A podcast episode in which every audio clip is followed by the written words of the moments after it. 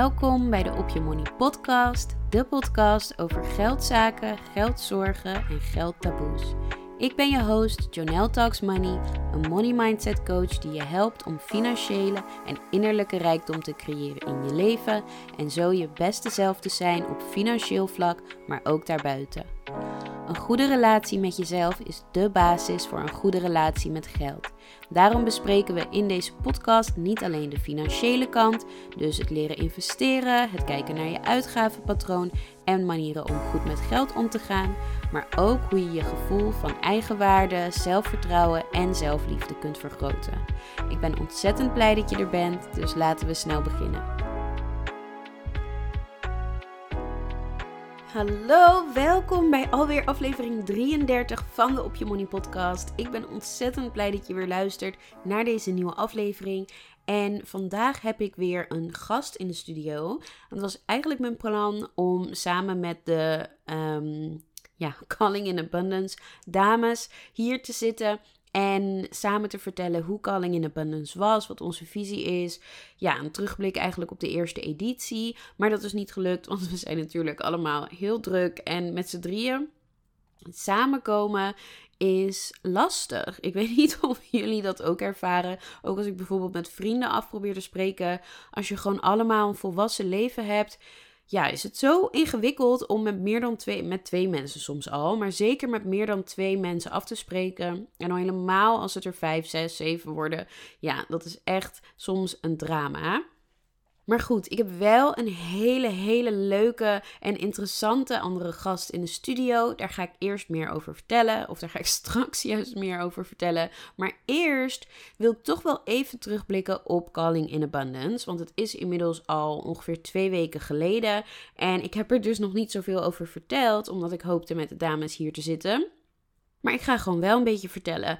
En wat ik wil vertellen is, nou ja, allereerst hoe het was en mijn ervaring en de terugblik. En ook wat onze visie is en wat we in de toekomst nog gaan doen met Calling in Abundance. En als je niet een uh, vaste luisteraar bent, dan denk je nu misschien helemaal van, huh, Calling in Abundance, wat is dat? Nou, twee weken geleden dus, ik ben de datum alweer vergeten, 13 januari, juist, organiseerde ik met twee andere vrouwen mijn eerste live in-person event. En het was echt heel erg tof. Ik organiseerde het samen met Charo van Morpij. Dat is een platform waarbij um, Charo dus vrouwelijke ondernemers van kleur vastlegt door middel van foto en video. Dus visual storytelling, waarbij ze echt aandacht besteedt aan de vrouw en het verhaal achter het bedrijf. Heel mooi, hele mooie content. Ook als je naar onze Calling in Abundance Instagram gaat. Um, ja, dat doet, doet zij. Voornamelijk prachtig hoe het eruit ziet. En ik deed dat samen met Swagati van Mind and Moods. En zij is een coach en mentor op het gebied van persoonlijke ontwikkeling, groei, healing. Um, trauma, maar ook doelen stellen en um, ja, gewoon persoonlijke ontwikkeling all around. Nou, en ik doe dus money mindset coaching. Dus samen hebben we onze krachten gebundeld om dit event neer te zetten.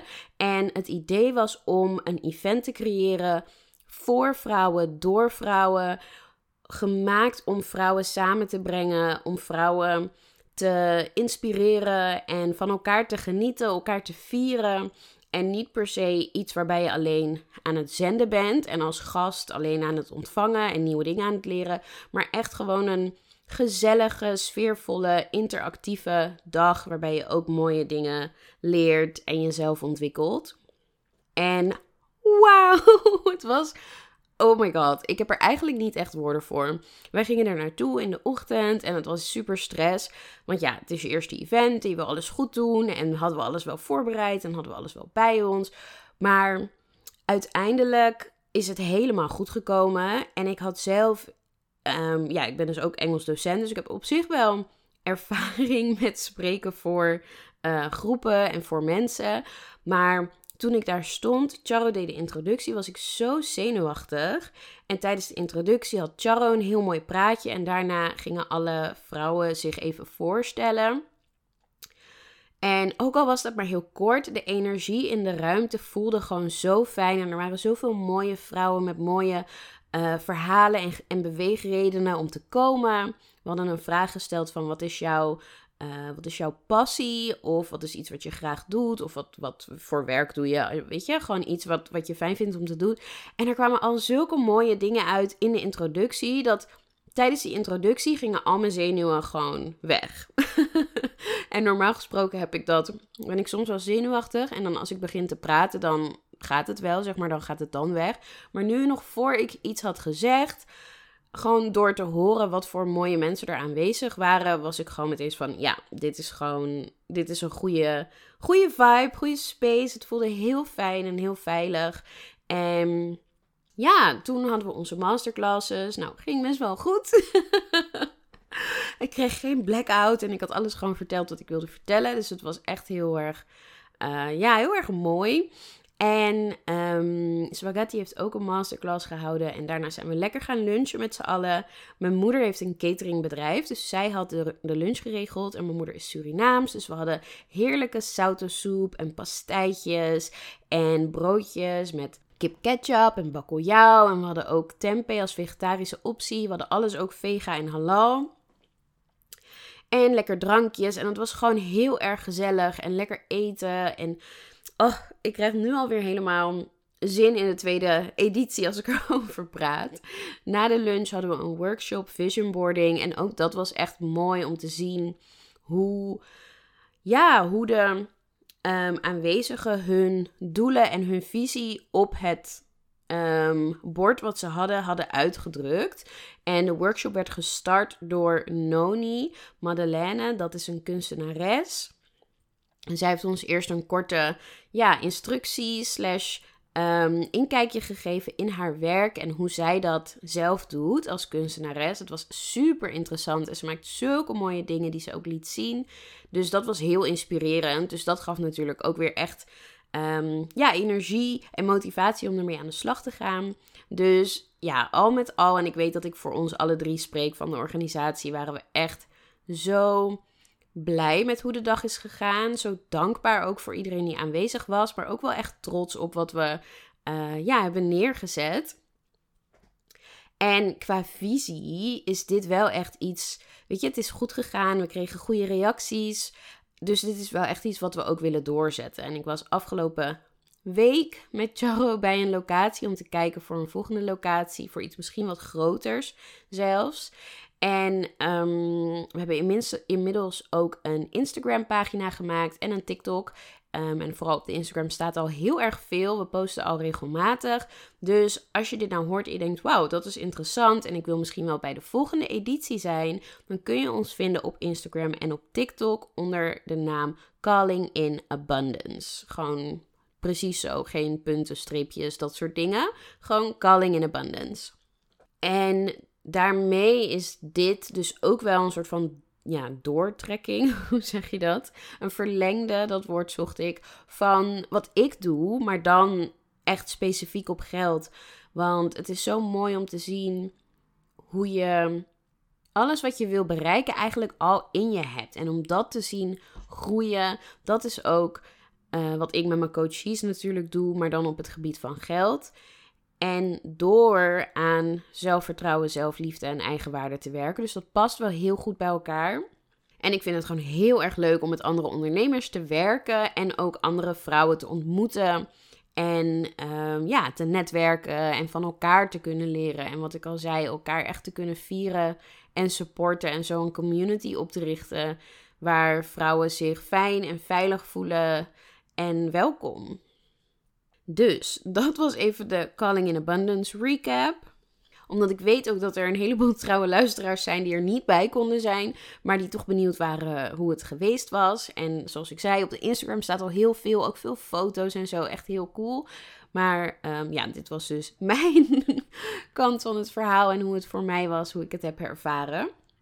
Dan um, de aflevering van vandaag. Want ik heb dus een geweldige gast in de studio en dat is Aniek. En toen Aniek en ik met elkaar in contact kwamen, toen dacht ik op het eerste gezicht van, oh, ik vind het super interessant. En dit is misschien iets wat op het eerste gezicht niet zoveel met geld te maken heeft en meer ja, persoonlijke ontwikkeling of meer zelfvertrouwen. Maar hoe langer je erover nadenkt, hoe meer dit ook wel degelijk echt met geld te maken heeft. Aniek is namelijk vitaliteits- en narcismecoach en zij ondersteunt dus vrouwen die in een relatie zitten of in een relatie hebben gezeten waarbij ze een narcistische partner hadden en dus echt een ongezonde, uh, toxische situatie. En het is voor mij interessant omdat ik hier enige persoonlijke ervaring mee heb. Um, maar ook omdat dit natuurlijk ontzettend veel invloed kan hebben op jouw financiële situatie. En ik vond dit echt een heel interessant gesprek. Ik heb er ook veel van geleerd, ook dus door die persoonlijke ervaring. En ik hoop dat jij dat ook gaat doen. Ik heb trouwens dit interview voor het eerst opgenomen via Zoom. Normaal doe ik dat met gasten altijd via een ja, speciaal podcast-platform, online-achtige iets. Ehm, maar dat, dat heb ik deze keer niet gedaan. Dus ik hoop dat het geluid goed is. En als je nou denkt: oh, dit is echt vreselijk en zo wil ik niet naar jou met je gasten luisteren wil je me dat dan alsjeblieft laten weten? Want ik ben wat andere dingen aan het uitproberen. Ehm, vooral heel eerlijk, omdat ik een abonnement sowieso heb voor Zoom uh, voor mijn coaching. En dit andere abonnement kost best wel wat geld. En ik heb maar één keer in de drie weken een gast. Dus ik weet niet of ik het het dan waard vindt. Dus als Zoom prima kwaliteit is en gewoon goed te luisteren, dan gaan we misschien die route. Dus als je nou echt denkt van oké, dit is echt verschrikkelijk, laat het me alsjeblieft weten, want die feedback is dus uh, ja, handig voor mij. Ja, dan ga ik de opname starten. Heel veel luisterplezier. Ik hoop dat je er net zo van geniet als ik. Nou, welkom Aniek. Vandaag ben ik in de studio met Aniek. Zij is vitaliteitsspecialist en narcisme-coach. En ook coacht vanuit haar eigen ervaring. En ik vind dat altijd heel mooi om te zien als mensen zelf iets meemaken. En daarna andere mensen begeleiden die eenzelfde iets doormaken. Um, Aniek heeft zelf ook een narcistische partner gehad. En begeleidt dus nu vrouwen die um, ja, een narcistische relatie hebben gehad. Ze heeft ook haar eigen podcast, Topfit met Aniek. En ze heeft een e-book geschreven met tips voor herstel na een narcistische relatie. En ik heb er heel veel zin in om uh, ja, Aniek beter te leren kennen en uh, verder te kletsen hierover. Welkom. Dankjewel, Jonel. Leuk dat ik bij, uh, bij de podcast van jou aanwezig mag zijn. Ja, ik, ja, ik denk dat het heel interessant is, omdat het misschien op het eerste gezicht niet lijkt alsof het met geld te maken heeft. Maar omdat, ja, sowieso als je een relatie hebt, is die heel erg verweven in je leven. En hetzelfde met geld. Je geldzaken zijn ook weer heel erg verweven. Dus ja, ik ben heel benieuwd om te zien wat voor invloed bijvoorbeeld een narcistische relatie ook kan hebben op je financiële, financiële relatie. Maar laten we bij het begin beginnen. Precies. Want jij hebt ook in een narcistische relatie gezeten. Zou je daar wat meer over kunnen vertellen? Jazeker. Ja, ik was al een tijd uh, gescheiden. Ik heb een gehandicapte zoon, dus ik was alleenstaande moeder. En ik was op een gegeven moment was ik er wel aan toe om weer iemand te leren kennen. Maar op dat moment zat ik nog niet vol zelfvertrouwen. Ik uh, had daar nog wat aan te doen, al was ik me daar nog niet zo bewust van. Dat was pas achteraf. En toen heb ik uh, deze man uh, inderdaad leren kennen met uitgaan. En in het begin leek, leek het echt uh, te mooi om waar te zijn. En aangezien ik al heel lang geen relatie had gehad, ja, kwam het ook hè, als heel welkom in mijn leven. En in het begin was het ook echt heel erg leuk. leek het echt heel mooi, heel speciaal. Hij was niet eens precies het type waarop ik zou vallen qua uiterlijk. Maar hoe hij overkwam, heel lief, uh, ja, heel aardig, heel attent. Uh, achteraf gezien veel te. Maar op dat moment was dat heel erg welkom in mijn leven. En daarom heb ik hem ook toegelaten in mijn leven. Alleen best wel uh, na een korte tijd, na een maand of drie, begonnen er kleine scheurtjes te komen. Mm -hmm. En die kleine scheurtjes waren dan de woedeaanvallen die hij had. Uh, heel veel controle hebben over mij. Dus continu appen de hele dag. Uh, wat ben je aan het doen? Met wie?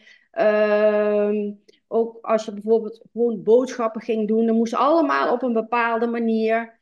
En ja, hij kon echt uit het niets helemaal ontploffen. Echt dat je dacht van wat is er in hemelsnaam aan de hand? En vervolgens weer poeslief zijn. Alleen dat Ja. ontploffen was alleen maar als hij met mij alleen was. Dus niemand anders zag het.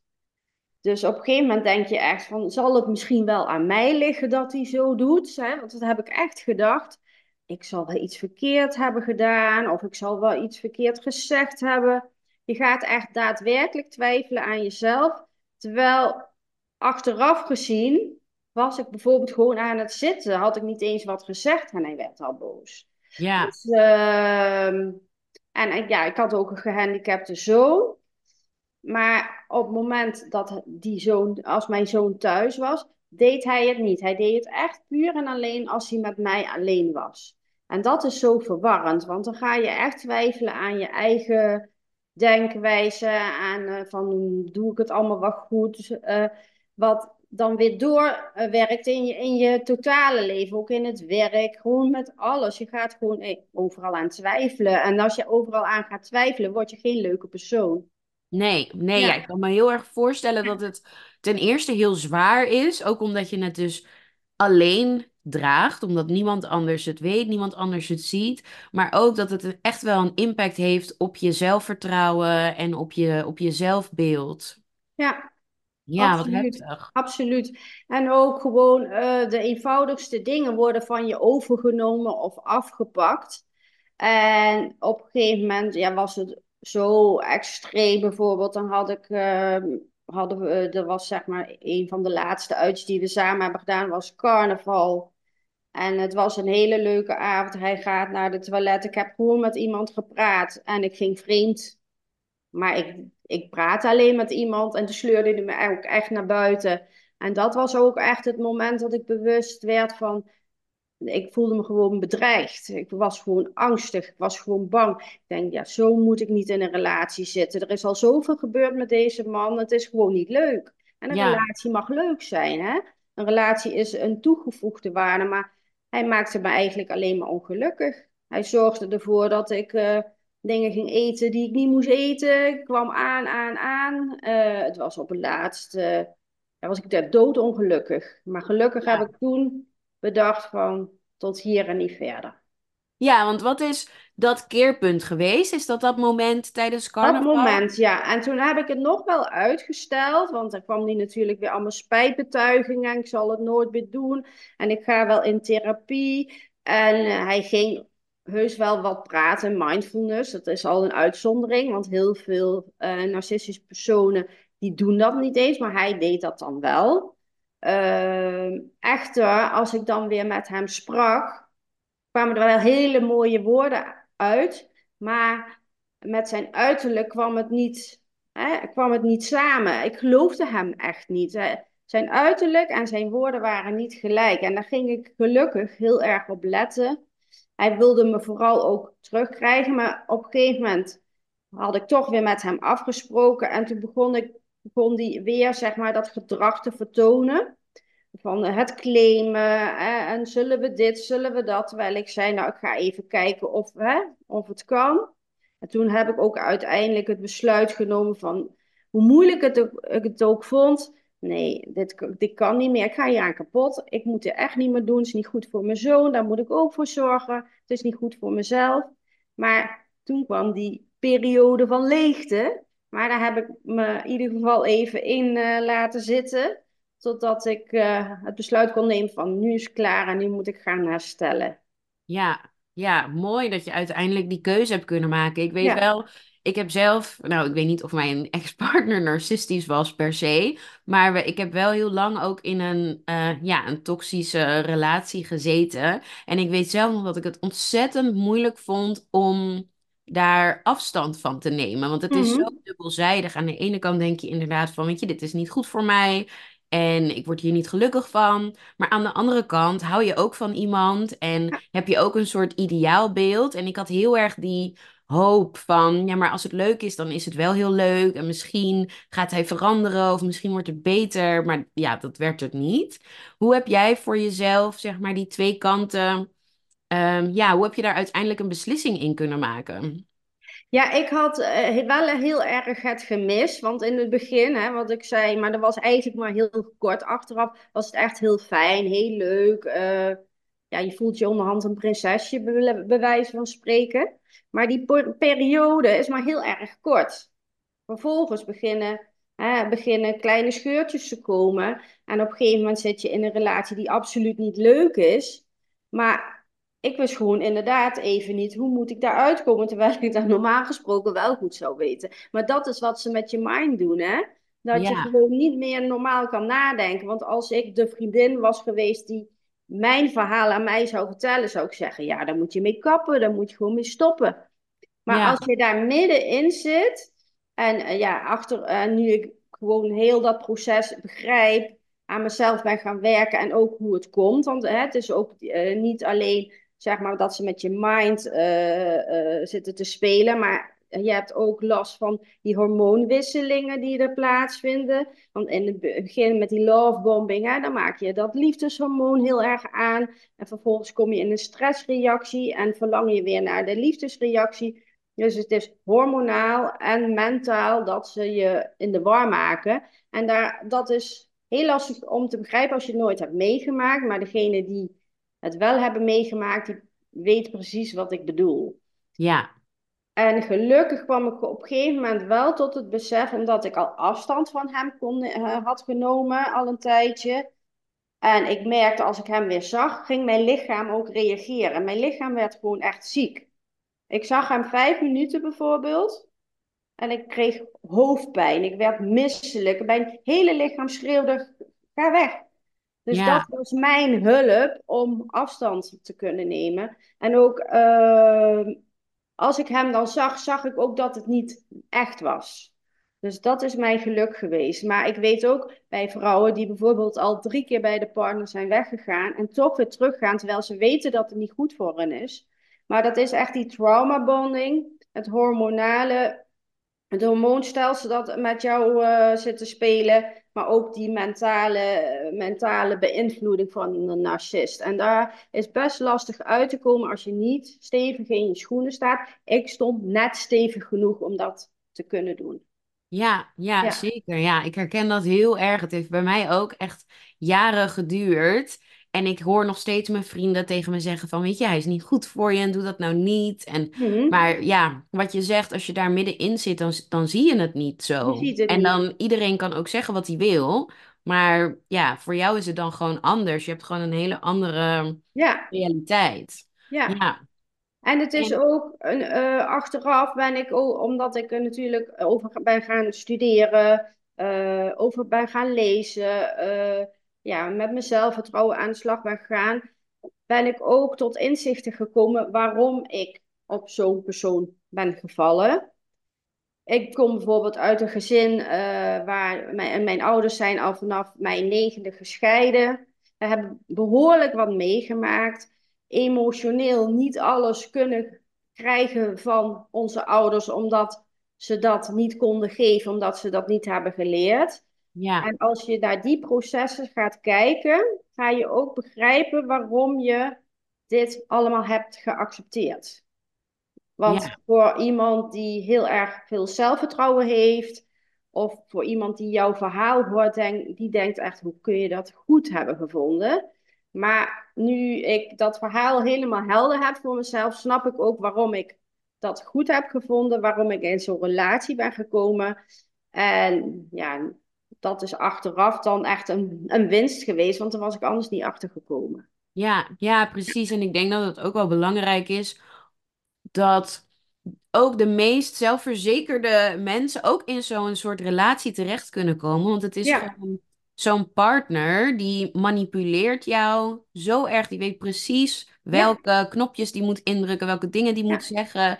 Om jou op een bepaalde manier Ehm, ja, verslaafd te maken eigenlijk aan die persoon. Dat is het ook zo. Want uh, je hebt ook echt uh, de, de, narcistische spiegeling, zeg maar. Dan gaan ze helemaal duiken in uh, wat jij vertelt, hoe jouw relaties zijn geweest. En dat gaan ze spiegelen met jou, waardoor je echt denkt: ik heb nu mijn zielsmaatje hè, ontdekt. Ik heb echt de liefste vrouw of man hè, eh, nu voor me staan die ik ooit heb ontmoet. Want zo sluw kan het gaan. Ze gaan echt helemaal mee met jouw verhaal. Of, oh, dat heb ik ook meegemaakt. Waardoor je denkt, dan heb ik echt een maatje gevonden. Ja, iemand die jou echt begrijpt. Ja, en, en niks, ja, helaas is het allemaal gespeeld. En dat is misschien wel achteraf het moeilijkste geweest. Dat je je echt voor de gek voelde gehouden. Hè? Dat je niet uh, gerespecteerd werd. Uh, ja, gewoon dat ze je echt voor de gek hebben gehouden. Dat vond ik denk ik het allermoeilijkste achteraf.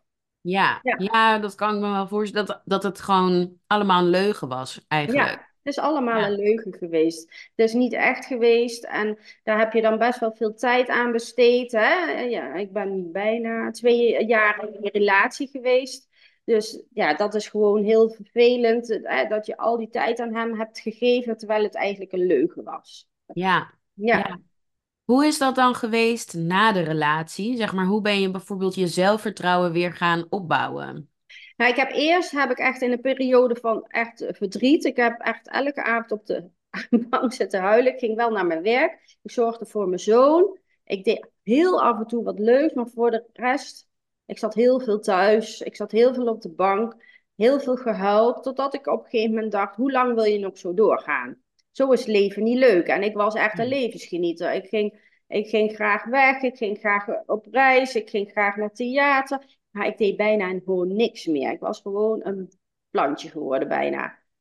En toen had ik op een gegeven moment, en nu is het klaar. En toen ben ik ook naar een huisarts gegaan. Ik ben naar maatschappelijk werk gegaan. Maar ik kon er heel goed over praten. Dus ze dachten, het gaat wel goed met haar. Maar ik voelde dat het niet goed met me ging. En toen ben ik uh, andere manieren gaan zoeken en heb ik een coach gevonden. En die is echt met mij, uh, zeg maar, in een soort reset gegaan. Met etherische oliën, zo'n therapie heb ik gehad. Waardoor ik terugging naar situaties hè, van vroeger of zelfs een, vorig leven. Klinkt allemaal heel vaag. Maar dat heeft mij ontzettend goed geholpen. Ja. En daarna heb ik enorm veel aan zelfontwikkeling gedaan. Uh, van uh, waarom is dit mij gebeurd? Uh, hoe, welke patronen heb ik zelf ingebracht? Want zo'n relatie is niet alleen de schuld van de narcist. Ik heb het allemaal goed gevonden. En in het begin was ik, vond ik mezelf slachtoffer, was, het, was ik alleen maar aan het wijzen. Maar ik heb het wel allemaal zelf goed gevonden. En nu durf ik ook te zeggen, het is mijn eigen schuld geweest. Ik heb het allemaal goed gevonden. Dat wil nog niet zeggen dat het goed is dat iemand jou zo behandelt, maar je hebt het wel geaccepteerd. En wat je heel veel ziet uh, bij de slachtoffers van narcisme is, wat heeft hij mij aangedaan? Wat heeft zij mij aangedaan? Maar als je ook naar jezelf durft te gaan kijken wat je allemaal goed vindt, want het is echt te bizar wat je allemaal accepteert, keer op keer op keer. Als je naar dat proces durft te gaan, dat is al een heel groot deel van het genezen na een narcistische relatie. Of dat nou echt een relatie, een liefdesrelatie is geweest, of uh, je moeder, je vader of ja, broer, zus. Of zelfs in, in de werksfeer. Als je dat durft aan te gaan kijken, dat je jezelf echt durft te reflecteren van ja, ik heb dit wel allemaal goed gevonden. Dat, dat heeft bij mij heel erg goed geholpen om weer in vertrouwen te komen. Mezelf weer te gaan vertrouwen, mensen weer te gaan vertrouwen. Van oké, ja, ik heb zelf daar ook iets in gedaan. Een relatie heb je niet alleen. Ja, ja. ja mooi dat je dat zegt. Ja. Want uiteindelijk heb je natuurlijk ook alleen maar invloed op jouw eigen gedrag. Precies. Ja. ja. Een ander kan je niet sturen, je kan wel jezelf sturen. En uh, door die eigen verantwoordelijkheid weer echt te pakken, ja, ben ik echt tot zoveel inzichten gekomen. En ja, ben ik, heb ik mezelf echt wel uh, heel goed aangekeken van wat is uh, leuk aan mij. Maar ik had ook mijn minder leuke kanten. En die ben ik allemaal gaan aankijken, mijn schaduwzijde. En ja, e-, enorm veel trainingen gevolgd, waardoor ik nu ook in staat ben om vrouwen te helpen in deze situatie, ook met energetisch werk. Want dat doet ontzettend veel. Het is niet alleen maar cognitief bezig zijn, maar ook echt met je innerlijk bezig zijn. Ja, ja, ja mooi. En hoe lang duurde dit hele proces? Zeg maar, hoe lang duurde het voordat je het idee had dat je dat je, je weer helemaal goed voelde? Ik heb, er, nou, ik heb eerst natuurlijk lekker lang in de slachtofferrol gezeten, anderhalf jaar. En toen ben ik nog wel, denk ik, anderhalf jaar bezig geweest om echt uh, aan mezelf te werken. En, en nog merk ik nog wel eens dat ik uh, iets heb dat me triggert, maar dat weet ik dan. En dan ga ik tegelijk mee aan de slag. Dan laat ik niet liggen, maar dan ga ik het echt aankijken van waar komt dat vandaan? Wat, uh, wat wil het mij vertellen en wat kan ik eraan doen? Dus dan is het zo weer klaar. Maar ja. het is echt belangrijk om, om te beseffen dat het heel veel met een mens doet. Met, met, met, uh, met, met je hoofd, met je lijf. Ik kreeg ook allerlei klachten van mijn lijf.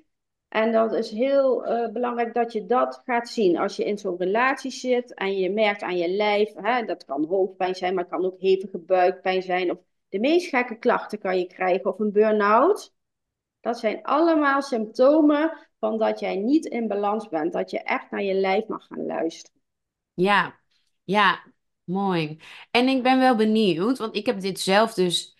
Um, ik ervaar dit zelf heel erg. Ik heb dus een uh, ja, niet zo'n goede relatie gezeten. Maar omdat dat zulke heftige ups en downs had, waren die ups voor mij echt geweldig. Weet je, we ja. waren zo leuk met elkaar. En ik heb nu, als ik nu aan het daten ben met um, mensen die niet, nou ja, ik weet dus niet of mijn partner narcistisch is, maar ik zeg het even zo: mensen die niet narcistisch zijn of mensen die tussen aanhalingstekens gezond gehecht zijn, weet je, securely attached. Um, dat ik dat dan saai vind. En dat ik een beetje die, die, die highs en lows, dat ik dat mis. Ja. En ik ben me hier ondertussen wel bewust van. Dus dan zeg ik van, weet je, tegen mezelf van, nou, weet je Joe, dat uh, ligt niet aan die persoon. Die persoon is niet saai, dat ligt aan jou. Um, ja. Maar is dat iets wat jij ook herkent bij jezelf of misschien ook bij de, men, de vrouwen met wie jij werkt? Ja, absoluut. Dat zit echt in de patronen. Hè? De patronen die je hebt aangeleerd, dus uh, je gedachtepatroon, uh, je gewoontes en je gedragspatroon. En als jij in een uh, niet helemaal veilige situatie bent opgegroeid vroeger, dan is zo'n relatie die niet veilig is, is voor jou veilig, omdat je niet anders bent gewend. Ja. Moet jij vervolgens een persoon die wel veilig is, kan dat zijn van dat je hem niet zo aantrekkelijk vindt, of die, het is niet spannend, of hij is te aardig, of ja. hè, daar kun je van alles van vinden, terwijl dat eigenlijk in je patroon zit. Het ligt niet aan die andere persoon, maar het ligt aan je patroon. En wat ik dan ook met mijn cliënten doe, is echt die patronen gaan bekijken van uh, wat zit daar allemaal in? Uh, hoe denk jij? Hoe gedraag je je? Welke gewoontes heb je ontwikkeld? En die gaan we stap voor stap omzetten naar patronen die wel helpend zijn, zodat ze na het traject, zeg maar, ook echt mensen ontmoeten die goed voor hen zijn. Want als je in hetzelfde patroon blijft, zul je ook zien dat je dezelfde personen aan gaat trekken. Ja, ja, zeker. Dan kom je eigenlijk gewoon dezelfde persoon tegen ja, een ander. Ja. ja. Ja, interessant. Ja. Nu werk je dus met vrouwen die hetzelfde hebben doorgemaakt. Hoe ben je Ja. erop gekomen om, om dat te gaan doen? Ja, ik was eerst had ik inderdaad als vitaliteitscoach eh, gestudeerd. Eh, ik ben eigenlijk apothekersassistente. Maar ik merkte dat dat nog niet alles raakte bij mij. Om zeg maar mensen mee te helpen. En toen zei iemand de meest legendarische woorden. Wat is het ergste dat je is overkomen? Ik zei, ja, mij zijn wel meer erge dingen overkomen. Ja, vertel eens wat. Toen zei ik, ja, ik ben heel erg ziek geweest. Ik ben gescheiden. Ik heb een gehandicapte zoon. En een narcistische relatie. Welke van die vond je het meest erg? Ik zei, eigenlijk die narcistische relatie. Want die heeft me echt uh, bijna gebroken. Hij zei, dan is dat het wat jij uh, mag gaan doen. En eerst was ik in de weerstand van, dat is niet fijn, dat is niet veilig, dat is niet leuk. En toen ben ik eens gaan kijken van, wat zijn de verschillen tussen vitaliteit? Of kan ik het combineren? En toen ben ik op een gegeven moment tot slotsom gekomen dat dit echt wel is wat ik kan brengen hier in de wereld. Ik heb, kan mijn ervaring meenemen. Ik kan mijn uh, coaching meenemen. Ik heb natuurlijk ook uh, helemaal verdiept in narcisme. Uh, ik heb er heel veel over geleerd en nog steeds. Ik, volg alles wat nieuw is of in ontwikkeling is, volg ik, zodat ik het weer kan toepassen bij mijn cliënt. En daardoor is die echt die passie ontstaan. En ja, toen merkte ik van ja, dit is wat ik moet gaan doen. Dan merkte ik gewoon aan mezelf hoe ik erop reageerde. Hoe andere mensen op mij gingen reageren. Ik denk, ja, dit is wat ik uh, mag gaan uh, brengen in deze wereld. Ja, wat mooi. En hoe lang doe je dit nu met dat um, narcisme coachen? Uh, dat heb ik, even kijken, vorig jaar maart ben ik daar echt met het narcisme gedeelte gestart. Ja, ja. dus oh, bijna een jaar. ook vorig jaar maart begonnen met wat. Money Mindset Coach. Ja. Ja. ja, ik ben heel benieuwd dus ook naar die financiële kant. Ja, snap dus, ik. Had jouw relatie ook impact op jouw geldzaken en op je financiën? Ja, absoluut. Absoluut. Want uh, um, zoals je weet, nou, eh, als je een narcistische relatie, dat gaat allemaal heel erg snel. Dus voordat je het weet, was hij bijna uh, 24-7 bij je. En dat was bij mij. En ik betaalde alles. Dus op een gegeven moment zag ik mijn bankrekening naar beneden gaan. Ja. En, daar had ik wel wat van gezegd. Nou, toen werden de boodschappen wel wat betaald. Maar ja, gas, water, licht. Hè, er komt best wel wat bij kijken. En op dat moment werkte ik drie dagen in de week. Dus ik had wel genoeg geld om mijn zoon en mezelf te onderhouden. Maar niet om ook nog een persoon erbij te onderhouden. Dus ja, daar heb ik zeker wat van gemerkt. Ja. Dat heb ik ook goed gevonden. Op een gegeven moment heb ik er zeker wat van gezegd. Maar dat zag hij dan anders natuurlijk. Maar uh, heeft zeker invloed gehad. Ja. ja. Had hij wel werk zelf? Ja, hij had wel werk. Ja. Ja. Oké, oké. Maar hij deed dus eigenlijk, hij, jullie woonden eigenlijk samen bij jou en hij droeg niet echt bij ja. aan de financiële... Hij was heel vaak bij mij, we woonden officieel niet samen, maar hij was heel vaak bij mij, maar hij, uh, ja, hij betaalde op een gegeven moment wel de boodschappen, maar voor de rest was het, alles was uh, voor mijn uh, rekening. En op een gegeven moment, ja, ging dat best wel ver. En dat ik op een gegeven moment zei, dat ik kan gewoon niet. Ja. Maar daar had hij geen boodschap aan. Vervelend. Ja. Hoe was dat toen je net uit die relatie kwam? Merkte je dat je toen ook anders met geld omging? Uh, merkte ik dat ik echt anders met geld omging. Ja, ik merkte in ieder geval dat ik weer wat meer overhield. Nou, dat is dus fijn. Dat. Ik ben niet meer gaan uitgeven of zo om, om mezelf te pleasen. Uh, ik merkte dat ik meer overhield. Dus dat was dan positief. En ja. uh, ik heb ook nog geprobeerd om wat geld hè, terug te krijgen. Ik zeg, want je hebt er toch uh, gebruik mogen maken van mijn huis, van, hè, van alles.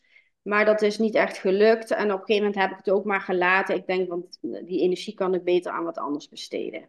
Ja, ja, ja, precies, zeker. En merk je het ook wel eens andersom, bijvoorbeeld bij cliënten? Want ik heb ook wel situaties gehoord van vrouwen die bijvoorbeeld veel geld uitlenen aan hun partners.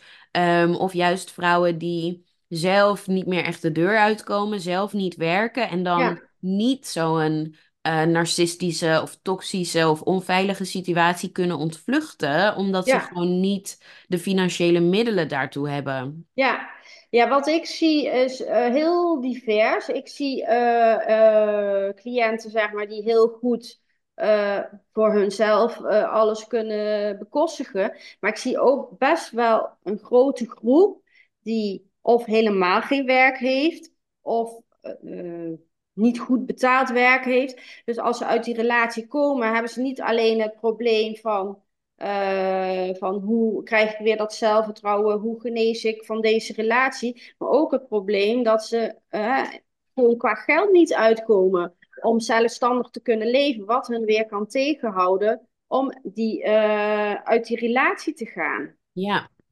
En dat is gewoon echt wel wat ik mensen op het hart wil drukken. Zorg dat je voor jezelf kan zorgen op de een of andere manier. En uh, kan je bijvoorbeeld uh, niet makkelijk gaan werken, zoek een andere manier. Want je kunt op heel veel uh, manieren geld verdienen. En daar ben ik op een gegeven moment ook gaan uitzoeken. Hoe kan ik aan wat meer geld komen om hè, dat tekort weer aan te vullen? Ik ben bijvoorbeeld netwerkmarketing gaan doen. Oké. Okay. Dat heeft mij echt veel lucht gegeven. Ja. En daar help ik ook andere vrouwen mee die graag vanuit huis geld verdienen. En om dit op te zetten voor zichzelf, zodat ze toch bij hun kinderen kunnen zijn. of in een veilige thuissituatie als ze er nog niet aan toe zijn om te gaan werken. Maar dat ze toch geld kunnen verdienen. En dat heeft mij ook geholpen om ja, er weer bovenop te komen. Ja, ja, zeker. Dat is super belangrijk. Ook omdat ik denk, als ik in ieder geval spreek voor mezelf, de dingen die mij het meest hebben beïnvloed in mijn leven, was uit die relatie stappen. Dat, mijn zelfvertrouwen was daarna echt, nou ja, gewoon nul. En dat was heel heftig om daar bovenop te komen. Maar ook geldstress. Weet je, als je bijvoorbeeld een grote rekening krijgt. Of gewoon echt even niet meer weet hoe je de, de eindjes bij elkaar moet knopen. Dus het uitgaan van een relatie. Het opbouwen van je zelfvertrouwen. En dan ook nog financiële stress. Dat zijn zulke ja, grote dingen om mee te dealen. Dat is echt heel heftig. Dus als je dat financiële in ieder geval voor jezelf um, ja, goed kan hebben. En altijd wat je zegt, voor jezelf kunnen zorgen. Altijd wat geld achter de hand hebben. Altijd de mogelijkheid hebt om toch uit een bepaalde situatie te stappen. Dat is heel fijn. Dat geeft echt wel veel rust. En ook meer, meer mogelijkheden, meer keuze. Mhm. Ja, absoluut. Dat geeft uh, echt veel rust. Want als je en die veiligheid zeg maar, in jezelf al niet ervaart, hè, gewoon uh, door uit die relatie te stappen kan je heel onveilig voelen, hè, omdat je dat uh, zelfvertrouwen niet hebt. En daarnaast ook een niet goede, stabiele financiële situatie. Dan is het heel lastig om uit die relatie te gaan. Want dan denk je, dan ben ik beter af misschien als ik erin blijf, terwijl dat absoluut niet waar is. Ja precies. Ja, ik zag toevallig laatst een filmpje op Instagram van een andere financiële coach, een Amerikaanse vrouw.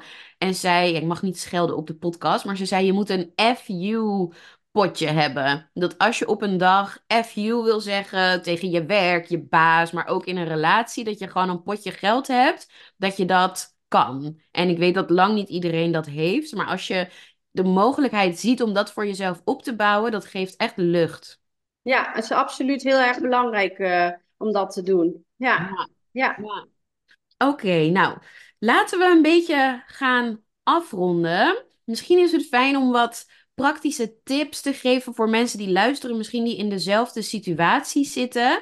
Als eerste, hoe kun je zo'n narcistische partner of een onveilige, toxische situatie, hoe kun je die herkennen? Hoe je die kan herkennen is, eh, nou vaak als je ze ontmoet, is alles te mooi om waar te zijn. Dat is echt de love bombing periode.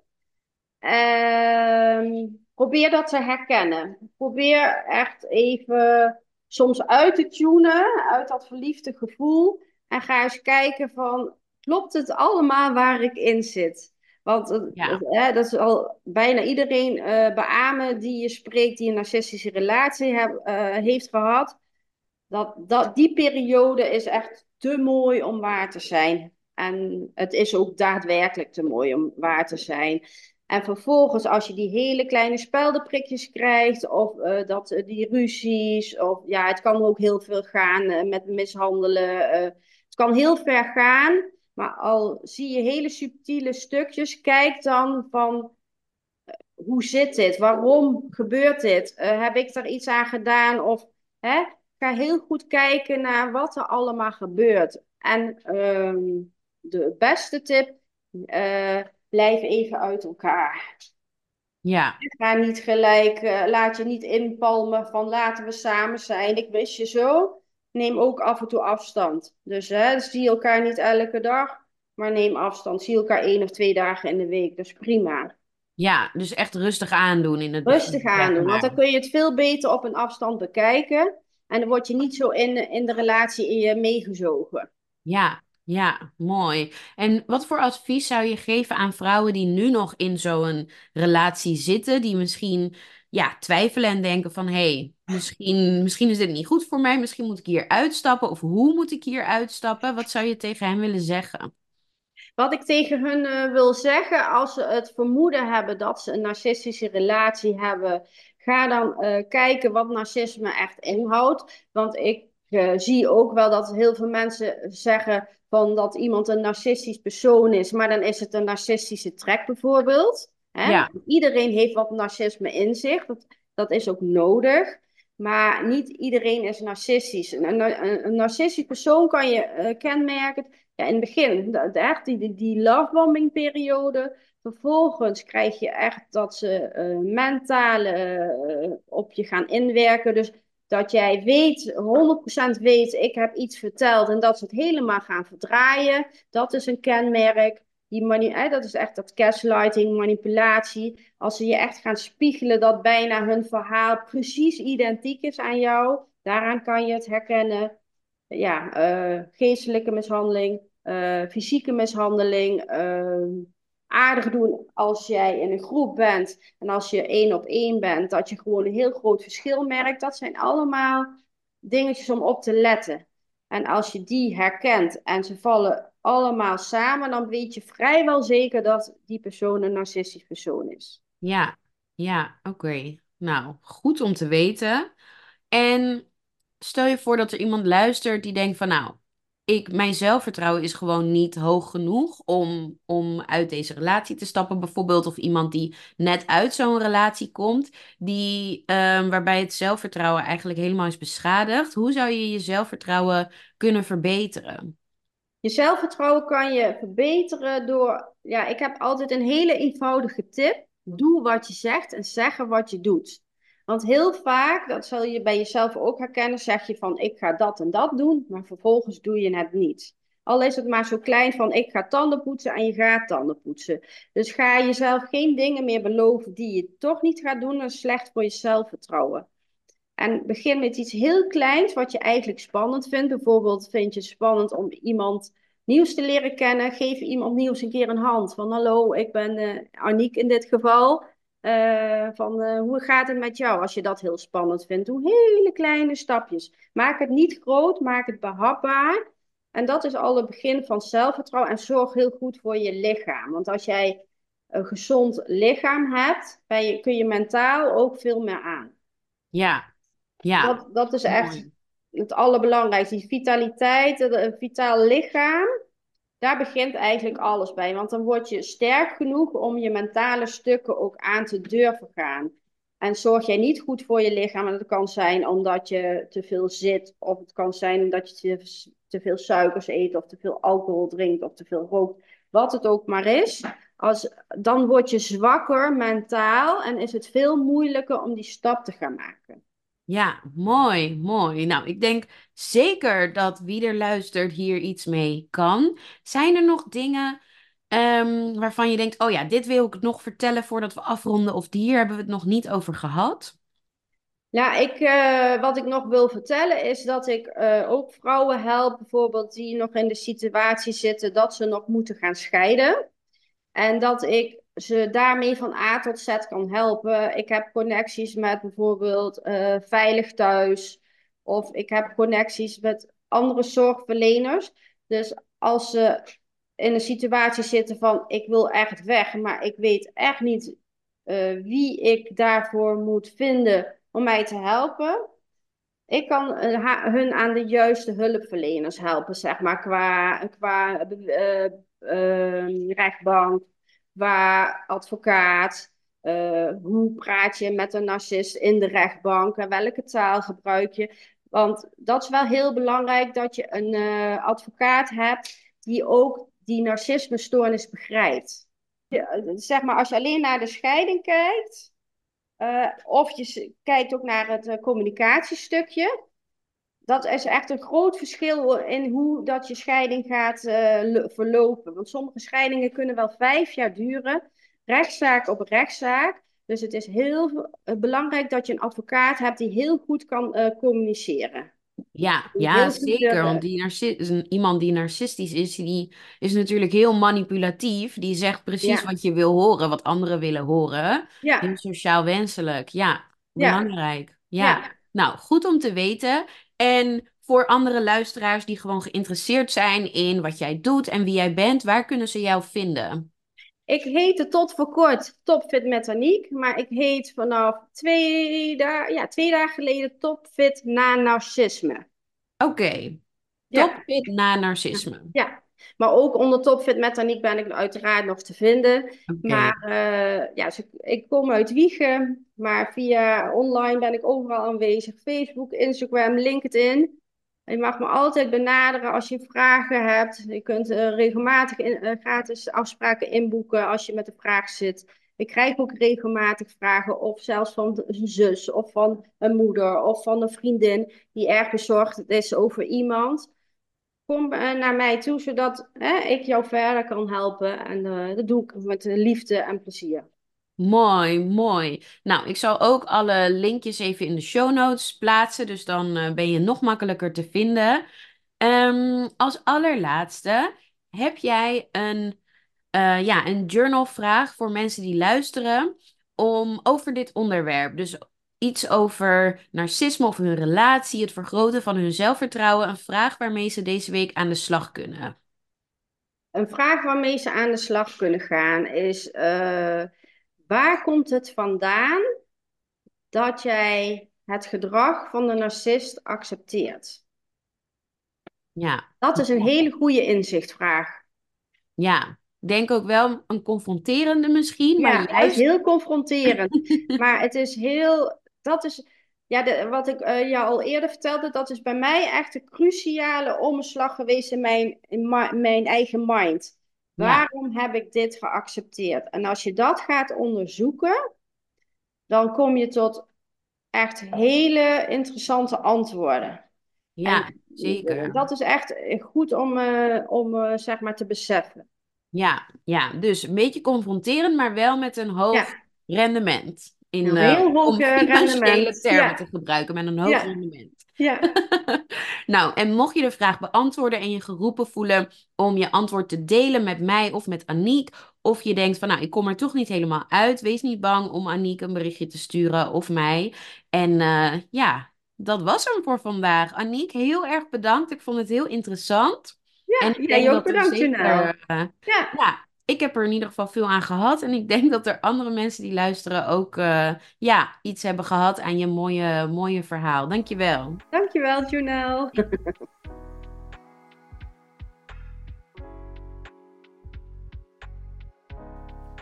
Alright, dat was hem. Nou, ik hoop dat je ervan hebt genoten. Ik heb dat zeker wel gedaan.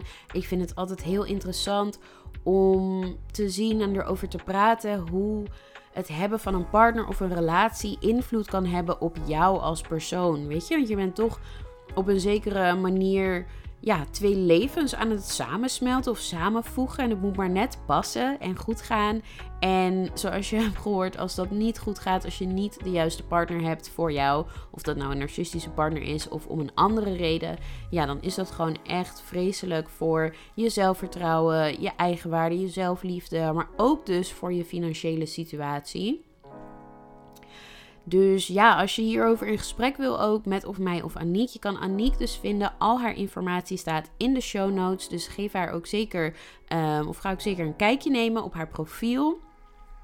Mij kun je vinden op Instagram en op TikTok. Daar heet ik Jonelle Talks Money. Ik vind het altijd heel erg leuk om verder te praten over de aflevering. Ik ben heel benieuwd wat je ervan vond. En je kunt ook een review achterlaten dan ben ik je eeuwig dankbaar. Want het helpt de podcast ontzettend groeien. Zodat die nog meer mensen bereikt. En ja, nog meer mensen kan ondersteunen bij het verbeteren van hun money mindset. En als je nou denkt, ja, dat wil ik wel. Ik wil nog meer werken aan mijn money mindset. Dan kunnen we op een aantal manieren samenwerken. Bijvoorbeeld een eenmalige sessie of juist een programma van een aantal maanden.